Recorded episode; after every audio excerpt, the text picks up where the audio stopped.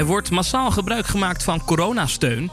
We moeten ons geen zorgen maken over kinderen die nu ziek worden. En hoe blijf je op kantoor anderhalve meter van je collega's vandaan? Mijn naam is Thomas van Groningen en dit is het belangrijkste coronanieuws van 1 mei 2020. Zometeen hoor je onze politiek verslaggever Sophie van Leeuwen in gesprek met premier Rutte. Ze hebben het dan over het heropenen van de horeca en de kapperszaken. Maar eerst even naar de cijfers van vandaag, zoals iedere dag.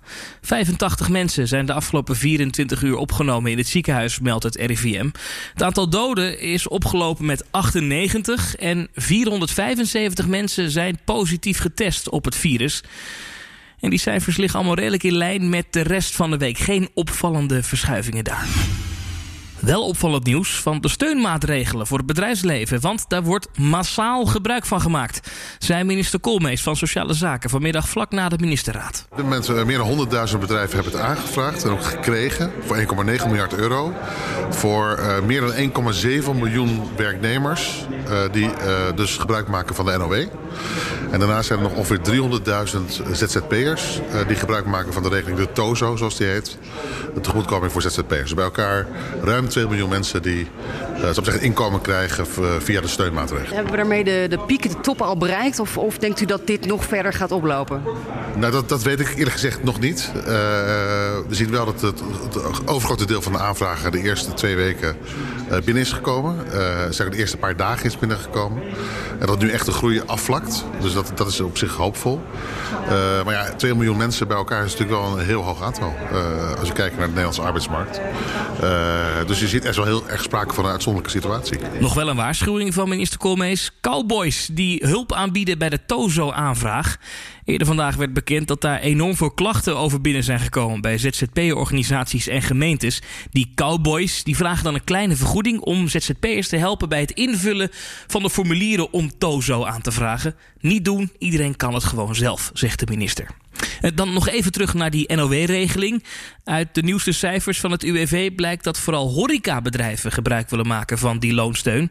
Hoorden we vanmorgen van Fred Paling, de topman van het UWV. Dan zie je wel dat het beeld wat we denk ik allemaal in onze eigen omgeving uh, zien, dat, dat detailhandel en, en horeca en catering en andere vormen van commerciële uh, dienstverlening, maar ook uh, uh, kappers en mensen die een nagelstudio hebben, ja, dat dat de sectoren zijn die een, enorm hard getroffen worden. Ja, en daar zien we ook het levendeel van de aanvragen vandaan komen. En dan, als we straks met z'n allen weer naar kantoor gaan, hoe doen we dat dan met die anderhalve meter? Want ja, collega's die bijvoorbeeld op hetzelfde moment bij het koffiezetapparaat gaan staan, of op hetzelfde moment in de lift gaan staan, dan wordt het wel lastig om anderhalve meter afstand te houden. Nou, dan is het ook handig om te weten waar in het gebouw het druk is en welke plekken je dus beter even kan vermijden. Er is een oplossing voor van Capgemini, het softwarebedrijf Smart Office. Hans Scholte is van Capgemini en die legt uit wat dat precies inhoudt. Je rust de ruimtes uit met sensoren, uh -huh. bewegingssensoren. En vervolgens laat je op een plattegrond zien uh, waar het druk en waar het rustig in het gebouw is. He, iemand die dus achter zijn bureau zit, kijkt voordat hij naar de koffieautomaat loopt even op de, op de app. Uh, is er ruimte vrij bij de koffieautomaat? En pas dan gaat hij lopen. Ja, maar misschien is het ook wel handig om gewoon net iets langer met z'n allen thuis te blijven werken. En dan voor Formule 1-liefhebbers is dit geen leuk weekend. Dit weekend zou namelijk de Grand Prix in Zandvoort zijn. Die gaat niet door. En dat is verstandig, zegt zorgminister Van Rijn vlak voor de wekelijkse ministerraad.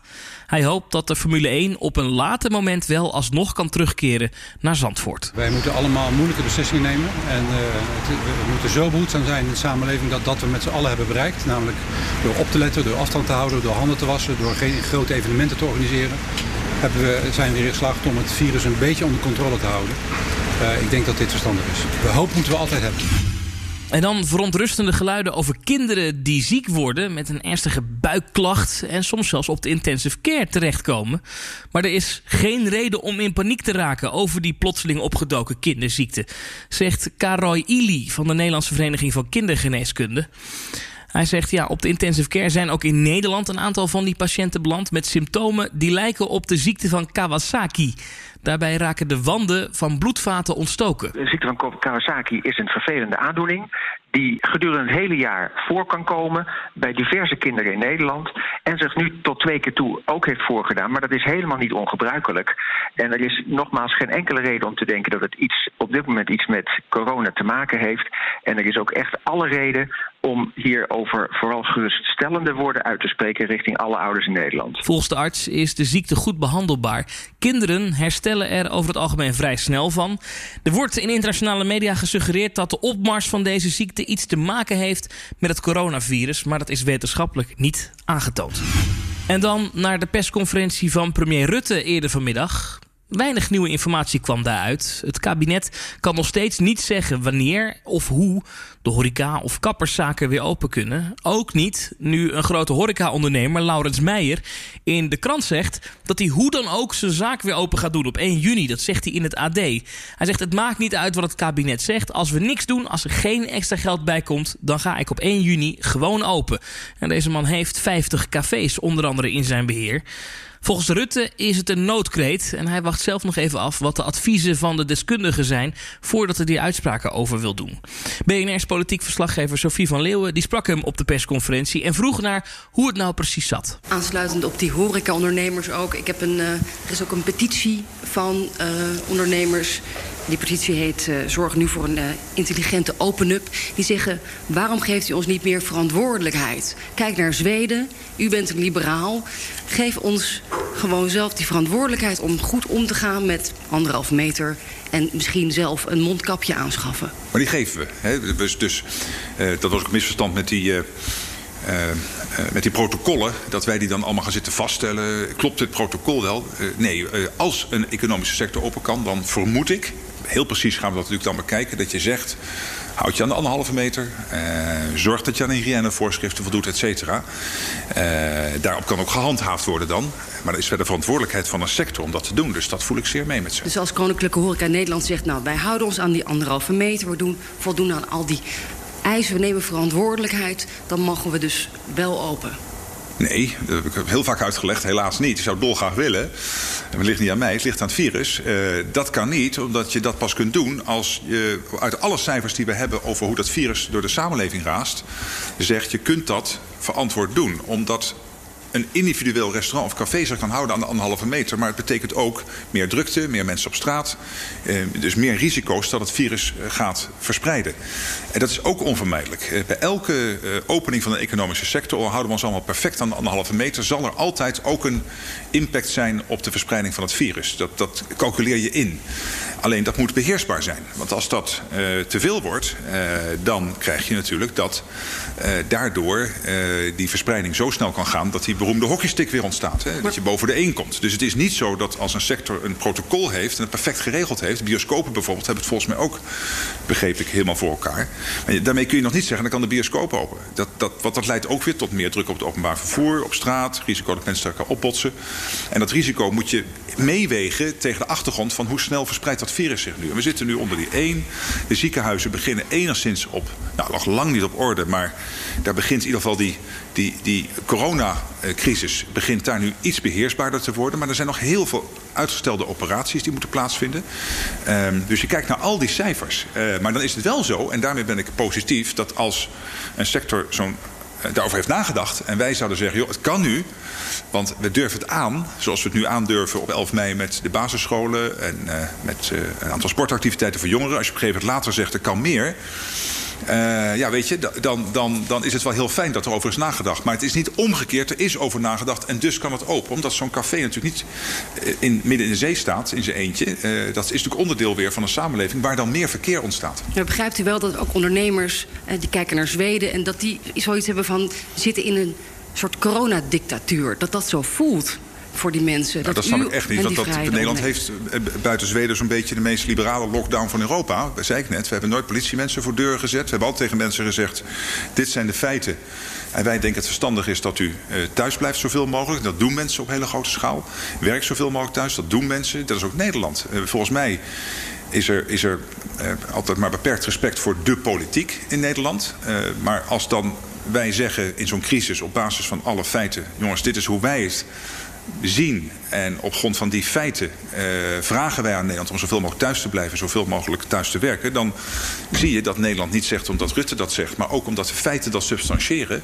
Ja, dat past ook een beetje bij het anarchistische Nederland. Daar ben ik ook heel blij om overigens, want ik hou zelf ook niet van hiërarchie. Dus ik ben heel blij dat we het zo gedaan hebben. Dat mensen daar vanuit de inhoud opvolging aan geven. Hè? En, en zeggen, oké, okay, weet je, als dat de feiten zijn. Dus ik zie, de dictatuur begrijp ik je echt Het probleem is denk ik soms het gebrek aan transparantie. Dat mensen, u verwijst naar naar een besloten club waar dingen worden bedacht en dat niet alle burgers dat zien en maar dat heb ik, dat, die discussie heb ik ook gevolgd in de media. Die verbaast me een klein beetje, maar goed, prima. Uh, het verslag van, die, van dat uh, outbreak management team is gewoon openbaar. Daar vindt discussie plaats tussen mensen die ook niet alles precies weten. Want niet alles is bekend van dit virus, jongens. Er, zijn, er zitten tientallen experts aan tafel die op basis van de kennis die ze hebben, de nieuwe inzichten die iedere dag zich ontwikkelen, met elkaar gesprek hebben over: oké, okay, wellicht dit. Hè? We hadden het net over de mondkapjes. Dan, dan zie je dat ze iets meer tijd nemen, wat ook prima is. Uh, want het is niet allemaal zwart of wit, uh, uh, of plus of min. Het zijn afwegingen. En ik vind het ook belangrijk dat die experts de kans hebben dat een beetje in vertrouwen te doen. En, op, en, en dan tot een gewogen oordeel komen, wat niet feilloos is. Ook daar kunnen fouten in zitten. Ik heb het vaker gezegd, hè? als we gaan evalueren, dan zullen heel veel dingen te vroeg, te laat. En als ze op tijd waren, waren ze te veel of te weinig. Dat gaat allemaal gebeuren. Maar dat is onvermijdelijk als je ja, probeert te sturen in een crisis bij, een, bij een fenomeen, dit virus, waar je gewoon nog weinig van weet. Tot zover de coronacast van vandaag. En misschien wat minder leuk nieuws voor de vaste luisteraars, maar het is de laatste. Ja, nou, als je op de hoogte wil blijven van het belangrijkste coronanieuws, natuurlijk altijd bnr.nl, onze app of op de radio naar ons luisteren. Er blijft ook wel een podcast, maar die is iets anders. Ik laat het Maarten Baalhuis zometeen aan je uitleggen. Maar vanuit mij voor nu en ook vanuit Connor Klerks en Kees Dorrestein... die ook deze podcast hebben gepresenteerd. Veel dank voor het luisteren. En ik zou zeggen, joh, we spreken elkaar gewoon snel op BNR of in een andere podcast. Bedankt voor het luisteren naar de Coronacast. Dit was de laatste aflevering. Maar nu we steeds meer wennen aan het leven in coronatijden en we minder hunkeren naar dagelijkse feitjes en cijfers, willen we je een podcast aanbieden. In de podcast Voorbij de anderhalve meter ga ik, Maarten Bouwhuis, op zoek naar hoe we de economie weer opstarten en leven in de anderhalve meter maatschappij. Luister je mee? Iedere dinsdag in de BNR-app of je favoriete podcastplayer.